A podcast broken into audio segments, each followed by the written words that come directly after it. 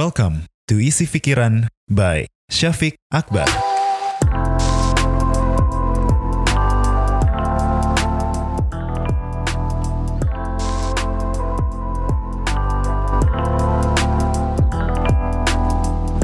everyone, welcome back to Isi Pikiran dan hari ini aku tidak sendirian. Hari ini aku bersama dengan TTM ku dari MIPA. Tapi bukan teman tapi mesra, teman tapi musuh.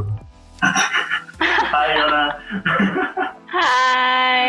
apa kabar? Ya bener sih ya Hmm. ininya. Predikat aku ya, bener Hmm. banget sih.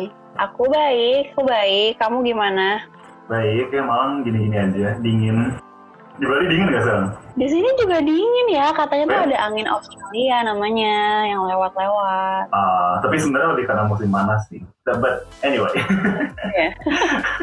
Nah, uh, for a little bit of background, aku dan Yona ini ketemunya di Fakultas MIPA dan karena Betul. ikut choir gitu ya, paduan suara. Dan, tetapi sekarang kita sama-sama bekerja di bidang yang tidak sejalan dengan apa yang kita pelajari, ya nggak sih, Yon? Ya Nah, betul, nggak ada mipanya sama sekali. Betul. Nah ini yang sebenarnya sering jadi pertanyaan buatku nih, termasuk ketika kemarin aku nanya macam topik apa yang mau dibahas gitu.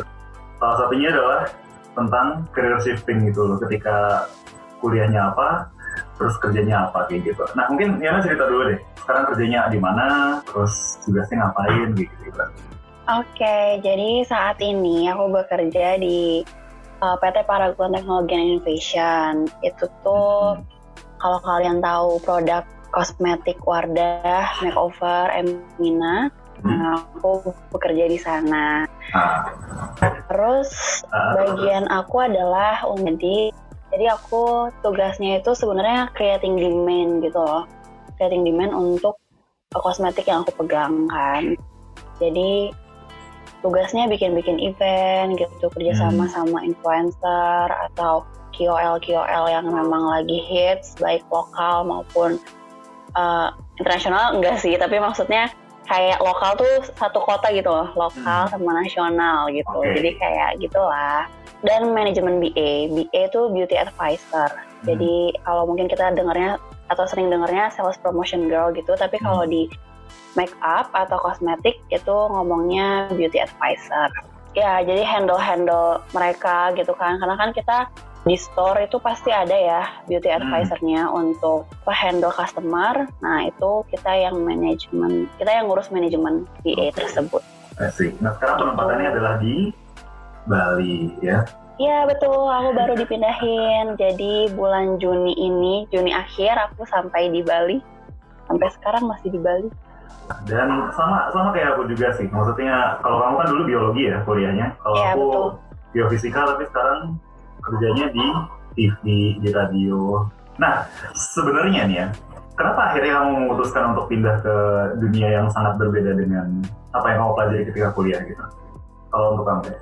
Sebenarnya nggak ada niat buat pindah ataupun nyari pekerjaan yang nggak sesuai sih sama Hmm. jurusan.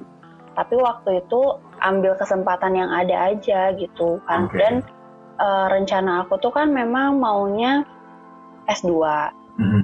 Cuma waktu itu beasiswanya belum ada yang buka ya. Ah, Beasiswanya belum ada dan aku nggak mungkin nunggu nganggur gitu loh, Vi. hmm. Jadi daripada aku nganggur, aku cari kerjaan yang bisa aku masukin gitu kan. Ah. Sebenarnya aku uh, open sama semuanya sih, mau tetap di biologi gitu. Nggak masalah, cuma waktu itu secara kebetulan juga sebenarnya aku nemu Paragon lagi open recruitment gitu Hmm. dan aku masukin di situ. Habis itu aku memang belum cari lagi, cuma Paragon ini kayaknya apa ya lolos gitu kan. Nah Ah. jadi habis lolos itu aku nggak nggak buka, maksudnya nggak nyari lagi gitu, nggak apply ke yang lain Asik. sampai akhirnya masuk gitu. Ah. Jadi aku sebenarnya nggak ada niat buat kayak nggak aku nggak mau kerja di biologi itu nggak ada di awal. Kamu juga nggak ada nggak sih niat kayak gitu? Kalau aku sejujurnya agak beda sih. Kalau aku emang masuk biofisika itu pertama karena merasa bahwa, maksudnya emang konteksnya tuh aku emang nggak pengen kerja di kayak perusahaan kayak Pertamina atau apa ya kayak orang biasa Hmm. pengen gitu loh. Jadi aku emang merasa kalau belajar tentang energi. Maksudnya kalau geofisika kan belajar tentang minyak, gas, panas bumi Ya. gitu kan, hal-hal energi gitu. Itu kan hal yang penting untuk kedaulatan sebuah negara lah aja. Nah, nah terus ya jadi aku merasa orang-orang yang belajar geofisika itu biasanya jatuhnya kan ke perusahaan-perusahaan itu aja. Tapi kalau aku sebenarnya pengennya ke dunia yang lebih kayak pemerintahan, uh, entah itu politik lah atau mungkin kementerian dan semacam gitu. Nah jadi aku pengen ambil dasarnya tuh dari cara teknikalnya dulu, terus habis itu baru belajar tentang manajemen dan segala macam kemudian supaya aku praktekin di bidang yang aku mau gitu. Emang jatuhnya sih dari awal aku emang nggak membayangkan diriku kerja kayak di perusahaan minyak minyakan gitu sih. Oh, Kalau tapi kalau hah? sekarang jadinya di radio sama di TV gitu, itu itu adalah karena itu itu adalah sebuah langkah menuju hal yang lebih besar gitu sih karena oh, oke. uh, ngerti kan maksudnya jadi kayak dulu meskipun aku di Geo kan ikut Hmm. choir juga ya kan yang gak ada hubungannya sama sekali dengan Geo gitu terus ikut political. Force juga terus ikut kita sama-sama ikut kakang Bayu juga ya pageantry competition Iya. gitu. terus Betul, bahkan anda ikut audisi ya di tingkat yang lain betul. terus Oke. Uh, selain itu, nah habis itu dari situ aku merasa ya udah langkah yang kayaknya bisa nih aku pakai buat menuju ke tahap selanjutnya gitu ya, menuju yang aku inginkan itu adalah lewat media gitu. Kayak sekaligus Hmm. untuk ngebahas isu-isu yang aku pengen. Kalau di radio aku bisa ngebahas apa pun yang aku mau gitu kan. Ya, Dan nantinya juga sekaligus bisa buat branding gitu kan. Jadi udah mau masuk ke media gitu. Nah kalau kamu hmm, begitu. Nah, kalau aku kan backgroundnya gitu ya, maksudnya emang nggak emang Ya. nggak pengen gitu kerja di, emang nggak membayangkan diriku kerja di tempat-tempat yang kayak nyari minyak dan segala. Kalau kamu tuh dulu Hmm. membayangkan dirimu masuk biologi itu bakal ngapain tuh?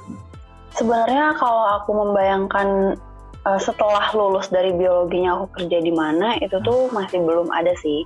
Karena dari awal memang pikirannya itu S2 gitu. Dan setelah itu, kamu tahu apa yang mau aku lakukan? apa? Mengurus anak. Jadi aku gak ada pikiran untuk bekerja, Fik. Ya gitu lah ya. Jadi ya gitu, awalnya tuh memang nggak punya pikiran untuk bekerja dan aku Hmm. Ya udahlah nggak masalah gitu. Aku nggak dapat pengalaman bekerja secara apa ya formal ya, secara Hmm. full time karena aku selama kuliah kan udah part time terus kan Oh iya. kerja di media juga. Jadi aku udah paham lah kalau kerja tuh kayak gitu gitu. Hmm. Dan aku juga udah tahu rasanya dapat gaji dan bla bla bla gitu. Jadi aku ngerasa nggak masalah kalau aku sekolah aja, terus habis itu aku nikah dan selesai lah sudah ya. Tapi tapi ternyata tidak seperti itu jalannya kan. Terus memang dari dulu kan masuk paduan suara juga kan karena memang ada kecintaan di sana ya dari kecil. Jadi seni itu kan udah jadi bagian dalam hidupku gitu. Mengalir dalam darah seorang Junadi. Mengalir dalam darahku ya. Jadi jadi ya udah habis aku masuk ke Paragon ini Hmm. dan memang di sana itu banyak banget ya seni-seninya gitu kan Iya. karena kita juga berhubungan sama sosial media terus Hmm, kayak betul. make up itu kan salah satu bagian dari seni ya menurut Seni aku juga sih ya. ya seni melukis wajah ya kan Makanya namanya makeup Jadi- artist ya. betul jadi ya aku ngerasa nggak terlalu jauh dari dunia aku sih sebenarnya walaupun Hmm. aku bekerja Oke. gitu sekarang dan untuk S2-nya gimana Yon mau nggak lanjut gitu sampai sekarang masih ada sih ketertarikan buat belajar lagi cuma mungkin nggak akan balik ke biologi gitu Oh, berarti ujungnya udah fix nggak bakal lanjut ngerjain ular-ularan atau semacam gitu yang kamu suka. kalau apa ya kalau mimpi mimpi yang mimpi banget mah Hah? kayak pengen sih jadi kayak penemu apa namanya Kita anti bisa vaksin ular Oh iya betul betul. iya benar jadi penemu anti bisa ular pertama di Indonesia gitu ya perempuan gitu kan. Ya itu mah apa ya mimpi besarnya gitu kan? Ada sih Baik. cuma prosesnya tuh sebenarnya kan nggak semudah itu ya. Iya. dan kalau aku mau masuk ke sana tuh aku harus benar-benar dedikasi gitu di sana. Kayak mengorbankan segalanya gitu untuk belajar di sana. Karena sampai saat ini aja itu nggak kelar-kelar gitu masalahnya ya kan? Masalah ular gigitan ular, obatnya itu tuh nggak kelar-kelar. Padahal masalahnya udah dari zaman kapan gitu. Jadi Baik. aku masih belum bisa ngebayangin sih kalau aku masuk ke prosesnya dan di prosesnya itu kayak gimana gitu. Aku cuma ngebayangin ujungnya aja. Jadi ya gitu lah. Asik, asik, asik. Kayaknya nanti deh gitu. Tapi masih ada mimpinya ya, maksudnya untuk mewujudkan itu. Ya ada, cuma kayaknya mungkin masuknya dari yang lain ya. Mungkin kalau Oh. aku tetap lanjutin di seni, aku bakal masuk saat mungkin nanti bisanya udah keluar gitu. Terus aku yang bantu profesiin lewat, Mempromosikan. ya betul ke Baik. media-media gitu kan. Siapa tahu gitu. Asik, asik, asik. Nah, ini pertanyaan yang paling eh, apa namanya sering ditanya juga sama orang-orang. Kalau misalnya kita belajarnya, misalnya oh biologi, aku biofisika gitu ya. Terus sekarang kita di Iya. bidangnya masing-masing. Kamu di anggaplah di marketing lah ya jatuhnya sih nggak sih? Iya betul. Marketing aku di aku di media gitu. Nah, apakah ilmu yang kamu dapatkan ketika biologi itu berguna atau kayak ya udah hilang aja gitu? Kalau biologi secara khusus ya memang nggak dilatih lagi sih. Jadi aku udah nggak paham lagi gitu. Sebenarnya aku paham tapi ya karena memang jarang menjelaskan gitu kan mau Hmm. dipakai ke siapa. Jadi ya mungkin itu menguap dengan sendirinya gitu kan. Iya. Terus kayak nama-nama Latin itu ya udah Ya. gitu sampai kuliah aja. Paling yang kamu ingat oleh Dr. gitu. ya. ya gitu doang gitu. Jadi kalau untuk ilmu biologi secara khususnya memang nggak Hmm. nggak dipakai sih, bener-bener nggak dipakai. Cuma kalau aku kan masih eh, beririsan dengan kulit ya nggak sih kesehatan Oh kulit, iya sih. terus cara mengobati jerawat, kenapa Ah. bisa jerawatan itu kan biologi ya. Iya iya iya. Jadi aku masih masuk di sana gitu. Hmm. Tapi itu biologinya cuma itu doang itu doang ya. gitu, cuma itu doang. itu pun juga dulu kamu belajar Jadi- kulit ular ya. Iya, em, ya gitulah gitu Ya. kan. Jadi memang nggak nggak begitu dalam untuk di biologinya. Cuma mungkin kita bisa ambilnya di waktu kita kuliah kali ya proses Hmm. kita kuliah gitu. Kayak cara belajarnya terus cara kita dengan tekun membuat laporan itu seperti apa gitu kan. Jadi jadi ya lebih terlatih aja sih kalau misalkan sekarang kan banyak banget nih kalau di pekerjaan itu kayak brief yang masuk gitu. Nah kita harus kayak cepet gitu bisa eksekusi, bisa mengerti, terus bisa nyebarin juga ke yang lain gitu. Terus paling waktu itu aku pernah kan belajar sistematika hewan, terus Hmm. gambar-gambar hewan. Nah itu jadi gambar-gambar wajah gitu. Kalau misalkan kita disuruh face painting itu kita bisa Baik. gitu. Agak-agak jauh sih dan maksa tapi ya udahlah gitu Hmm. ada masih ada lah dipakai gitu kan untuk face Hmm. painting gambar kucing, gambar macan gitu masih bisa. Oh, agak aneh sih tapi ya udahlah gitu. Iya, iya, Kalau iya. mau dimasuk-masukin paling di situ gitu. Sisanya sih yang hal-hal yang nggak kelihatan gitu kayak cepet tanggap, terus cepet ngerti instruksi, terus itu sih paling kamu gimana? Kalau aku ya aku hampir nggak kepake sih jadinya ya. Maksudnya kan kerjaanku juga sekarang cuma ngomong doang kan kayak gini maksudnya. Oke. iya, ngomong apa lagu, ngomong apa lagu. Kalau nggak baca berita, terus Iya, iya. gitu kan. Jadi secara praktis sebenarnya nggak nggak kepake sih ya maksudnya ilmu. Kecuali untuk misalnya kayak talk show itu sebenarnya kepake banget sih. Mm-mm. Karena kalau misalnya talk show tentang bencana gitu kan, kebetulan skripsiku kan tentang bencana juga tentang longsor. Iya. Intinya lebih nyambung lah istilahnya dan itu juga nyambung ke banyak hal yang lain gitu kan masalah tanah lah gitu atau toko ada talk show tentang apel kalau nggak salah pembusukan apel gitu, gitu di oke. batu ha. jadi kan sebenarnya ada ada aspek yang masih masih bisa relate sama aku gitu kan paling kalau secara keilmuan sih nyambungnya di situ doang cuma menurutku yang paling kepake tuh ya sebenarnya adalah proses pengerjaan laporan itu kita ilhami gitu ya Iya, benar-benar. Iya. gimana caranya kita bisa berpikir secara sistematis gitu iya nggak sih kan Benar-benar benar banget sih. ketika misalnya misalnya buat aku ngadain apa aku lagi interview gitu lah ya otomatis karena udah kebiasa dengan kerangka yang aku bikin untuk nulis enggaknya nulis laporan gitu lah otomatis jadi langsung ke bawah tuh oh berarti segmen satu aku bakal ngomong ini segmen dua bakal ngomong ini ini. Mm-mm. jadi udah kayak kebayang arahnya gimana gitu gitu itu ujungnya sih kayaknya ya meskipun nggak kepake sepenuhnya ya tapi satu seenggaknya kita mengilhami dari apa yang kita pelajari dulu gitu lah. Iya, jadi empat tahun itu sebenarnya membentuk pola pikir ya nggak Hmm, sih? Betul. Bukan belajar biologi dan jadi ahli biologi Nah, itu enggak, dia. karena memang masih jauh kan. Hmm. Kalau kamu mau jadi ahli biologi itu butuh empat tahun tuh kurang gitu, mungkin Makanya. butuh 15 tahun, 20 tahun gitu. Tapi untuk membentuk pola pikirnya bisa lah, Bisa lah. kalau kamu kuliahnya bener-bener ya. Ah. dan bahkan maksudnya kalau dalam konteks tempatku ya di geofisika gitu, uh, untuk masuk ke perusahaan gitu kayak Pertamina tuh biasanya requirement-nya adalah uh, minimal kerja 4 tahun. Itu paling umum udah, Oke. minimal 3 atau 4 tahun. Jadi udah, udah kayak ya meskipun aku nggak ngeliat ke sana ya, cuma udah hampir nggak Iya. mungkin sih aku kerja di sana kecuali emang kayak benar-benar niat gitu. Iya benar-benar.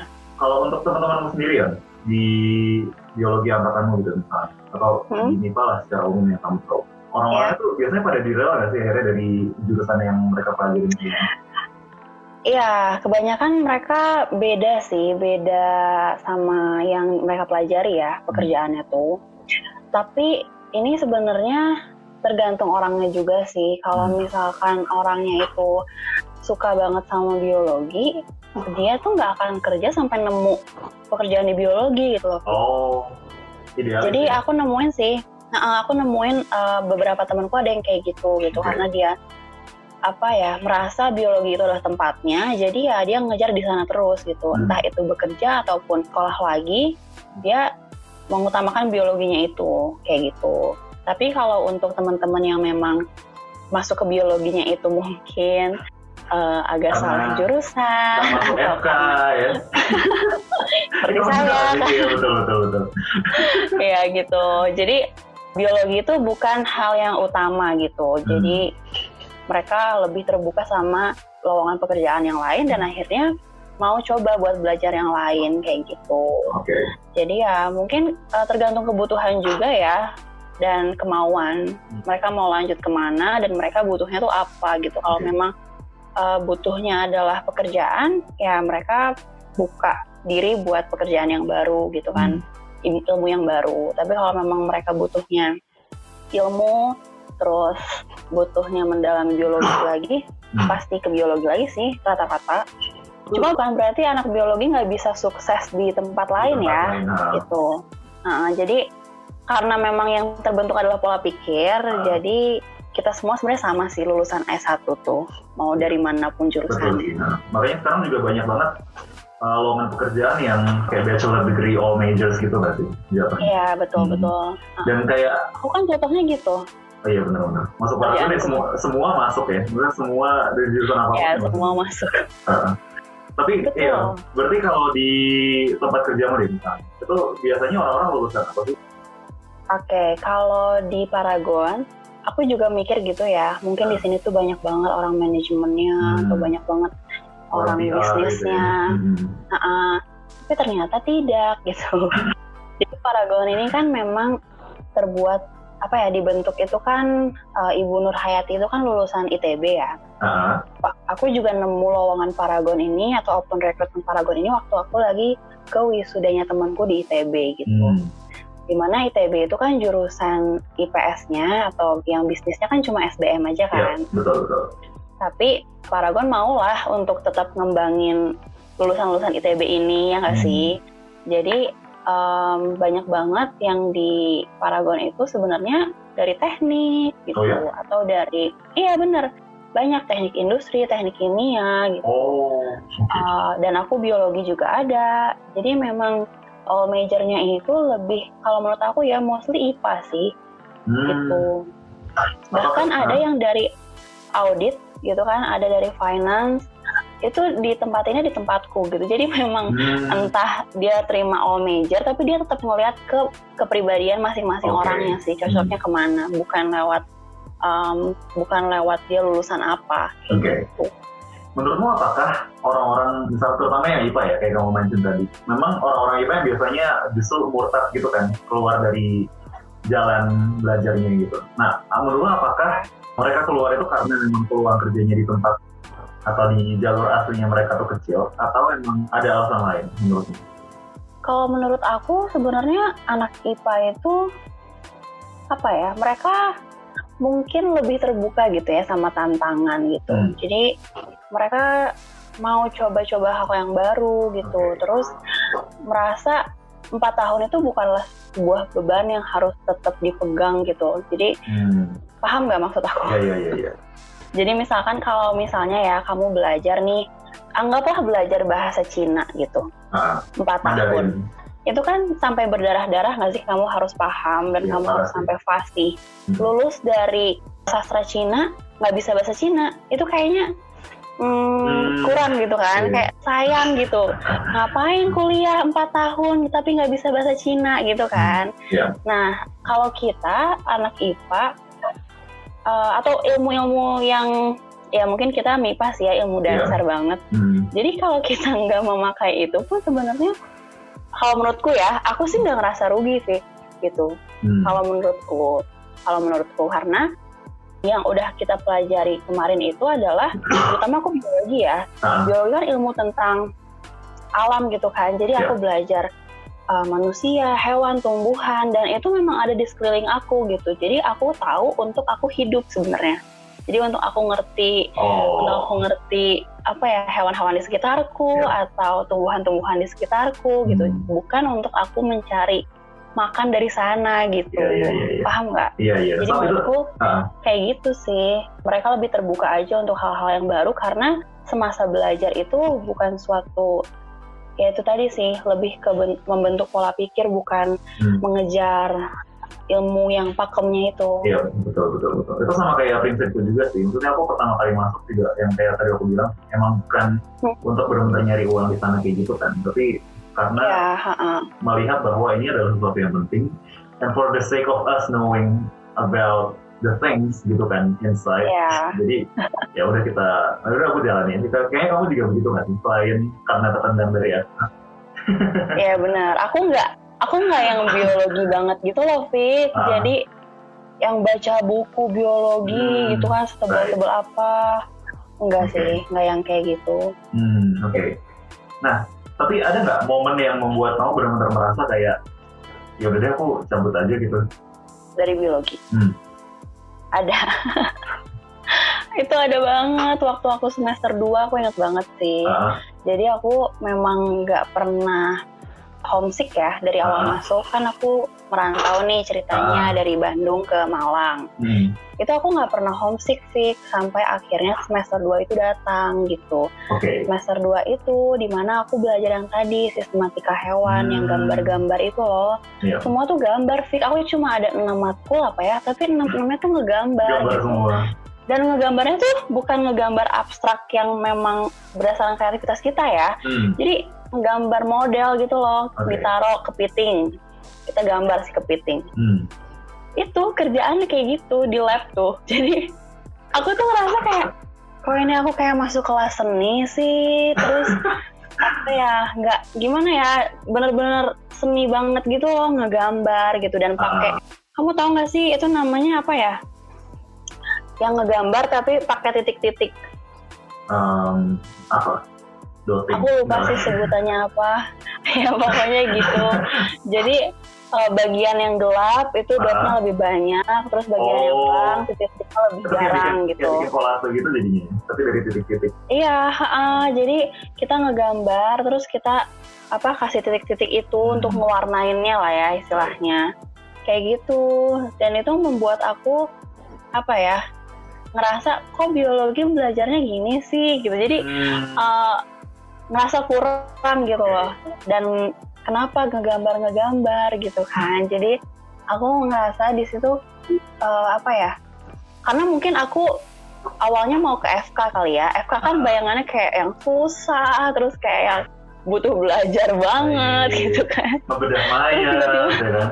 Iya, terus tiba-tiba di biologi tuh malah menggambar gitu. Jadi itu kayak semacam apa ya penolakan diri kayaknya ya, Oh. Eh, karena menurutku harusnya nggak kayak gini gitu. Harusnya aku se se hektik FK, harusnya aku sesusah FK gitu Hmm. mungkin mungkin. Jadi saat itu aku benar-benar gak terima gitu. Jadi aku sampai nelfon papa aku eh, untuk pertama kalinya Hah? biasanya kalau biasanya tuh kalau papa telepon sama papa itu papa yang nelfon gitu kayak Hmm. papa yang mau nanya kabar aku dan bla bla bla tapi ini aku yang telepon karena aku eh, ngerasa nggak kuat gitu kan Baik. dan aku sampai nangis Fik bayangin deh aku sampai nangis So tertekan itu berarti ya? itu? iya heeh, setertekan itu dan ngerasa kayak ini bukan tempat aku kayak gitu Hmm. jadi eh, aku sampai nangis terus papa bilang ya udah kak coba aja lagi tes gitu Hmm. SBMPTN Ah, jadi papa bilang coba aja tes SBMPTN lagi gitu. Dan memang waktu SMA itu aku suka banget ya sama matematika kan. Hmm. jadi aku suka ngitung-ngitung terus aku Oke. suka angka gitulah. Nah kemarin itu memang nggak ada sama sekali angka kan di biologinya. Dan eh, hampir seluruhnya gambar gitu. Itu buat aku agak frustasi sih. Dan papa aku bilang gitu ya udah tes aja lagi gitu. Hmm. yang lain yang lebih eh, menurut Sesuai. kakak menurut aku Hmm. sesuai gitu dari yang kakak mau dari yang aku mau Hmm. tapi Ah, waktu aku tes waktu aku tes sih aku memaksimalkan kesempatan yang aku punya sih karena memang banyak tuntutan dari biologi juga kan jadi aku nggak bisa fokus untuk mempersiapkan diri gitu loh dan aku kan bukan yang otaknya encer tanpa belajar lulu- lulus ya jadi aku juga butuh persiapan gitu Baik. Sayangnya aku nggak memaksimalkan itu jadi ya udah aku tetap Gimana? biologi hmm. Nah tapi hal-hal kayak gitu justru membuat kamu jadi lebih mudah untuk beradaptasi ketika akhirnya masuk ke lingkungan yang gak kamu duga gitu kan. Kayak misalnya di Iya. Paragon, pasti banyak banget hal yang oh sekarang aku jadi ngerjain kayak gini ya, gitu gak sih? Atau sama aja Iya. sulitnya untuk adaptasi Eh, enggak enggak justru jadi gampang banget sih setelah aku mengalami masa-masa sulit itu Hmm, aku motivasi aku tuh jadinya beda gitu Oke. aku akhirnya nerima kalau biologi adalah biologi gitu biologi itu bukan kedokteran gitu kamu Hmm. nggak bisa nyamain itu lagi gitu Oke. kan lulus dari sini kamu nggak bisa jadi dokter yon gitu mungkin itu Hmm. yang masih Mindset ada ya. sih sebenarnya di dalam hati kecil aku gitu kan aku masih pengen tapi Oke. sebenarnya karena dulu tuh aku masih bercita-cita habis lulus S1 biologi Hmm. S2-nya aku mau di fakultas kedokteran gitu loh Fik Oh, saking masih pengennya ada embel-embel kedokterannya Jadi, mungkin itu ya yang bikin uh, agak sulit adaptasi kan di biologinya gitu. ya, ya, ya. Cuma uh, habis itu ya udah aku terima kalau aku tuh sekarang di biologi dan aku belajar memang untuk me- menyelesaikan kewajiban tapi aku berusaha ngasih yang terbaik aja gitu di setiap apa yang aku kerjain. Jadinya bukan untuk goal jadi sarjana biologi yang paling bag- paling bagus atau lulusan Hmm. terbaik biologi sebenarnya enggak. Karena memang passion aku nggak di situ kan. Bukan di biologi itu gitu. Jadi ya aku berusaha menyelesaikan ini gitu dengan baik. Karena ya pak belajar dari papaku juga sih. Beliau juga kan apa ya pekerjaannya beda kan sama lulusannya gitu. Dia lulusan teknik sipil tapi kerjanya elektro. Jadi Oh, agak jauh gitu. Dan itu juga karena mimpi-mimpi yang halus sih. Papaku masuk ke sipil tuh. Ah, jadi bukan passionnya dia gitu. Mungkin aku pun asalnya bercita-cita jadi dokter itu adalah mimpi-mimpi halus sih. Jadi Hmm. kayak "Ah, pengen pengen. Padahal sebenarnya jiwa aku tuh nggak di situ Oke. gitu Nah, kan ini yang menarik sih sebenarnya. Sorry yang aku potong. Kalau misalnya tadi kamu berekspektasi ke misalnya kedokteran, terus habis itu ke biologi gitu kan. Terus habis itu Iya. ketika kamu berpindah bidang lagi, mungkin ada ekspektasi kamu yang berubah lagi gitu kan. Akhirnya apa yang kamu taruh di mindset gitu ketika ini yang harus aku jalanin sekarang ya udah dijalanin aja. Eh, lebih kepada aku seneng apa enggak sih Nah, Jadi sekarang itu yang aku kerjakan itu adalah semuanya yang bikin aku senang gitu. Bukan berarti hal-hal lain tuh nggak penting, tapi kita hidup cuma sekali gitu kan. Terus kenapa harus susah-susah untuk mewujudkan apa yang sebenarnya nggak kamu suka gitu, Hmm. atau apa yang sebenarnya memba- membebankan kamu gitu. Kadang kan kita ngerasa kita bisa nih, kita bisa, tapi kita tuh Hmm. terbeban banget dalam menjalaninya gitu ya buat apa kamu menyiksa diri sendiri gitu kan kalau memang ternyata jalan kamu tuh bukan di sana gitu Hmm. jadi sekarang ini aku dengan pekerjaan yang baru dengan lingkungan yang baru aku memang nggak pro di sana gitu. Aku Hmm. masuk ke dunia make up, aku nggak paham istilah-istilah make up. Aku belum bisa pakai alis. Aku belum paham bedanya foundation A dan foundation B gitu kan. Jadi masih nol banget, belajarnya dari nol banget gitu. Dan aku ngerasa setiap bidang itu punya kesulitannya masing-masing sih Hmm. dan keasikannya masing-masing juga gitu. Jadi aku masuk ke sini, aku ngelakuin apa yang bikin aku seneng aja gitu. Hmm. Walaupun aku nggak, aku nggak bisa make up yang full banget gitu ya, Hmm. yang benar-benar flawless dan nggak apa ya nggak ada cacatnya. Itu aku masih belum bisa gitu make up kayak make up artis tuh aku masih belum Hmm. bisa. Tapi belajar make up, coba-coba warna itu yang bikin aku suka. Oh. Jadi aku suka punya banyak koleksi lipstick gitu ya. Lipstick yang baru aku beli gitu kan, Hmm. warna yang baru aku beli gitu.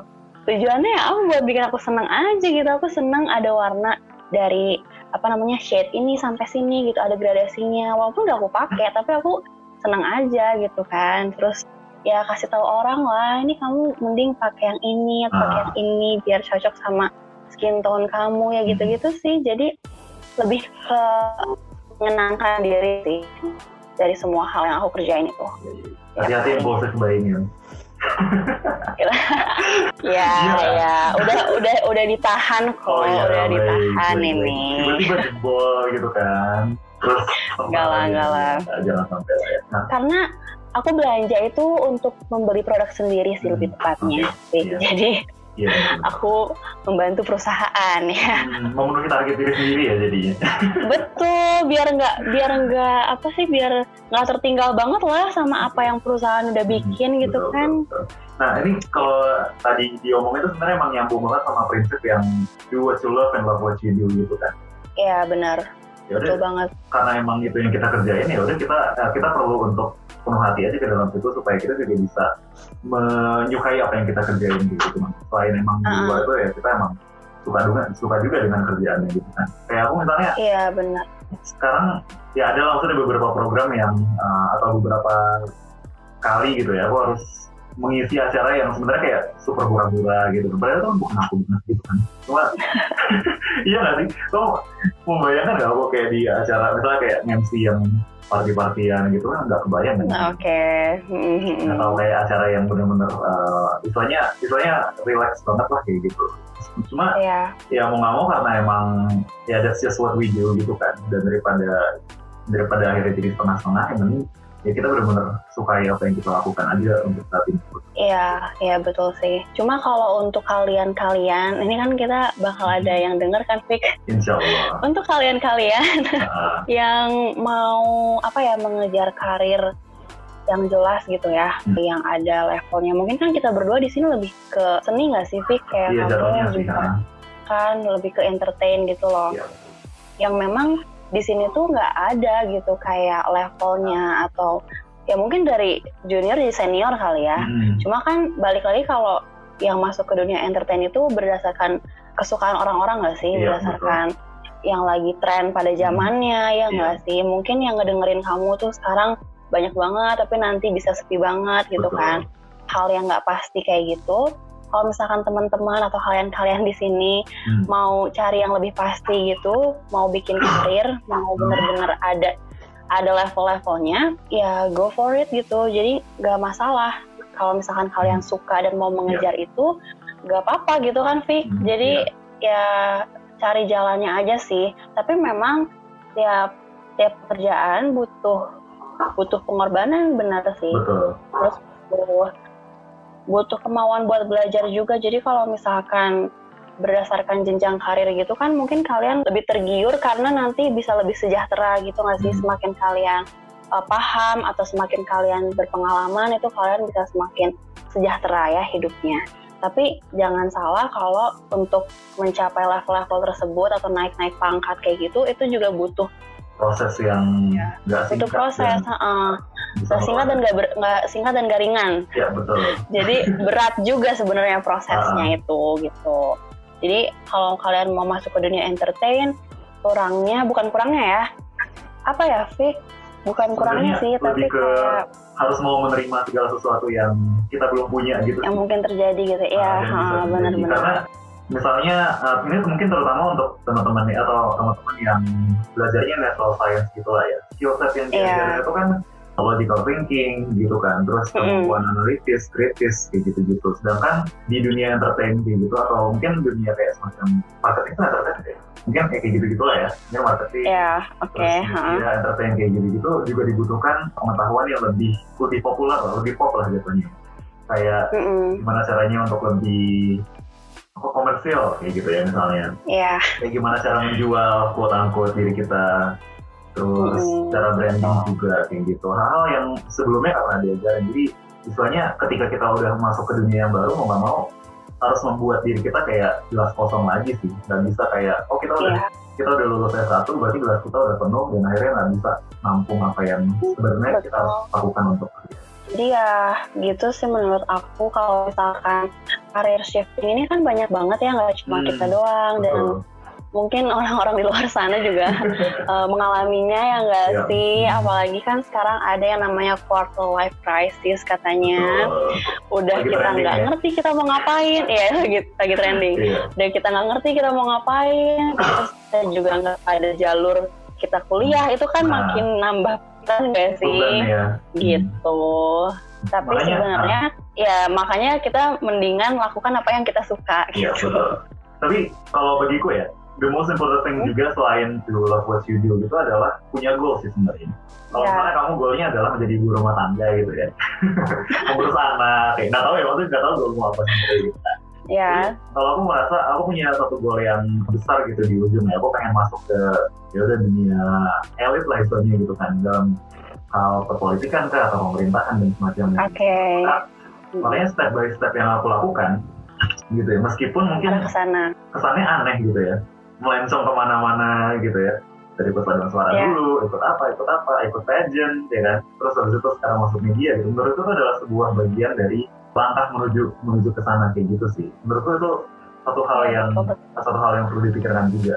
Pengennya sebenarnya mau ngapain sih di ujung gitu. Dan kalau misalnya belum dapat yang menurutku tuh itu yang benar-benar harus dipikirin dulu sih Kalau menurutku eh, sebenarnya kita lagi ngebahas banget nih eh, tentang mimpi ya. Walaupun kita udah kerja, Ah, jangan berhenti gitu mimpinya di situ. Misalnya Hmm. mimpi dapat pekerjaan, terus kamu udah kerja, akhirnya kamu nggak mau bermimpi lagi gitu. Hmm. Apalagi kamu udah masuk di dalam apa ya ceritanya perusahaan yang memang goalsnya itu adalah jualan produk gitu. Hmm. Terus kamu nggak bisa punya. Jadi mimpi kamu tuh kamu selaraskan sama perusahaan, padahal kamu tuh harusnya bisa punya mimpi yang lain gitu. Misalnya mimpi punya toko sendiri kayak gitu. Itu kan sebenarnya apa ya hal yang mungkin teman-teman tuh sebenarnya pengen tapi karena udah gabung di perusahaan jadi kayak udah aku menyerahkan diriku kepada perusahaan saja gitu harus ya bermimpi lagi iya nah padahal sebenarnya karena mimpi itu gratis dan Hmm. gak ada yang larang juga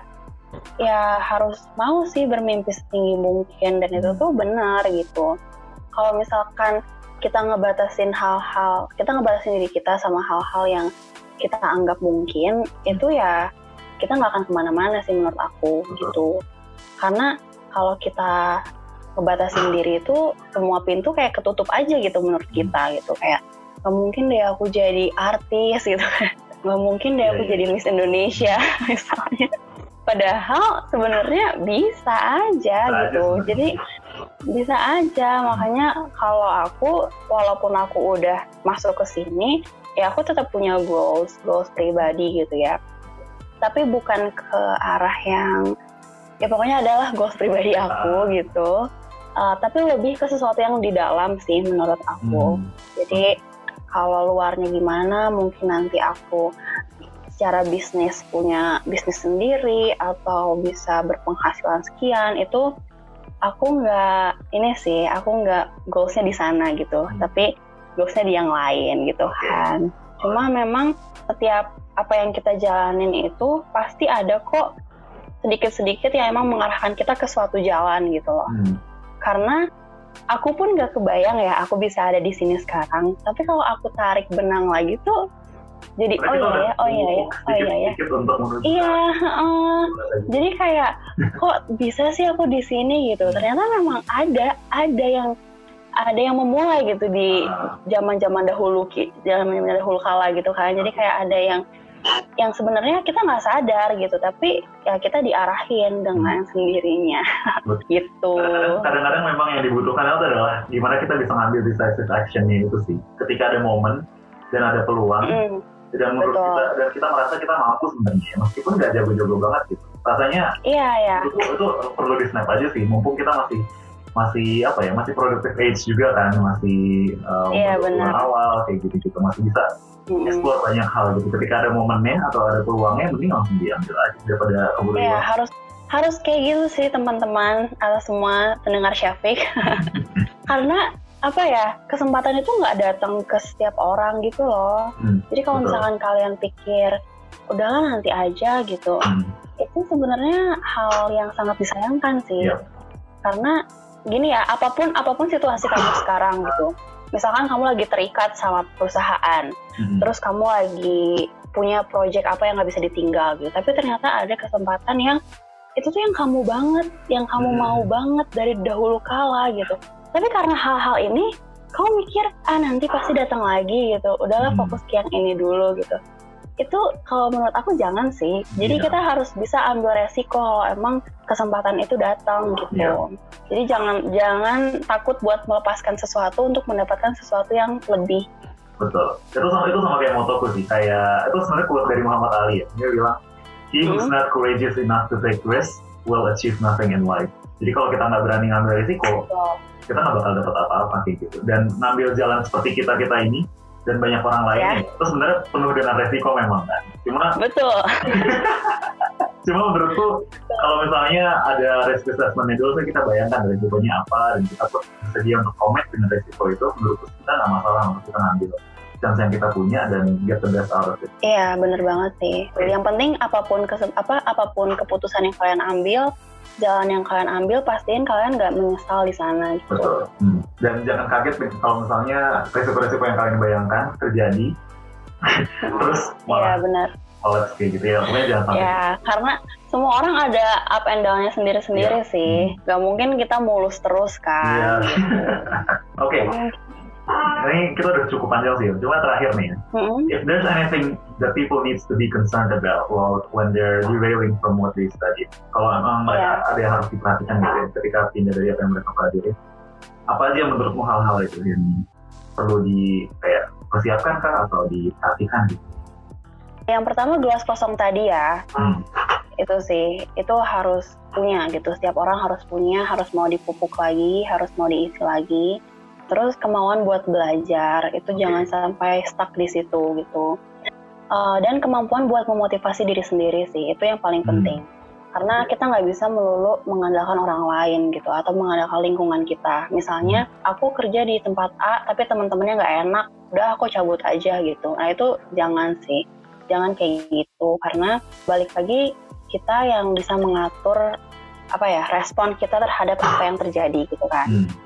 Kita nggak bisa mengatur yang terjadi di luar tapi kita bisa mengatur apa yang bakal kita kasih keluar gitu atau respon kita.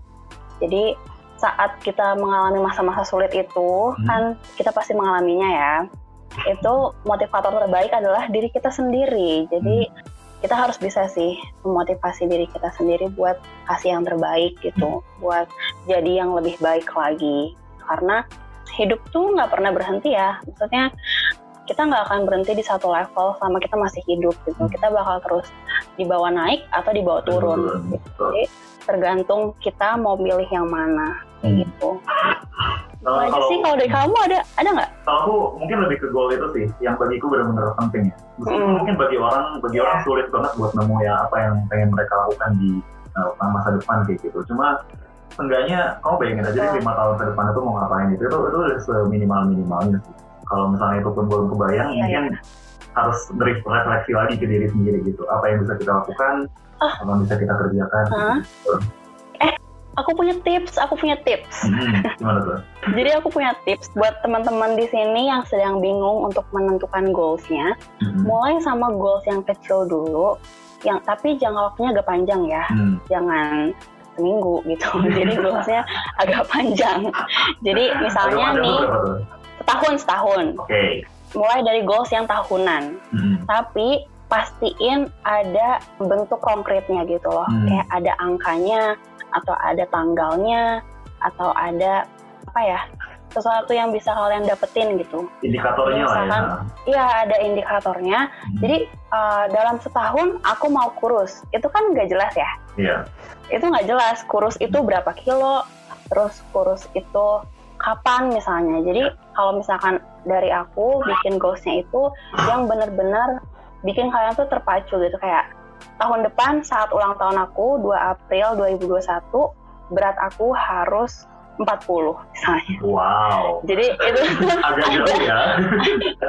agak jauh gitu kan, tapi itu bukan goalsku Tapi sih. iya, iya. Itu hanya contoh. Nah, contohnya. itu hanya contoh jadi ada ada apa ya angkanya yang bikin itu tuh nggak abstrak lagi gitu Hmm. kadang kita bermimpi tapi mimpi kita tuh abstrak gitu atau goals kita tuh abstrak gitu.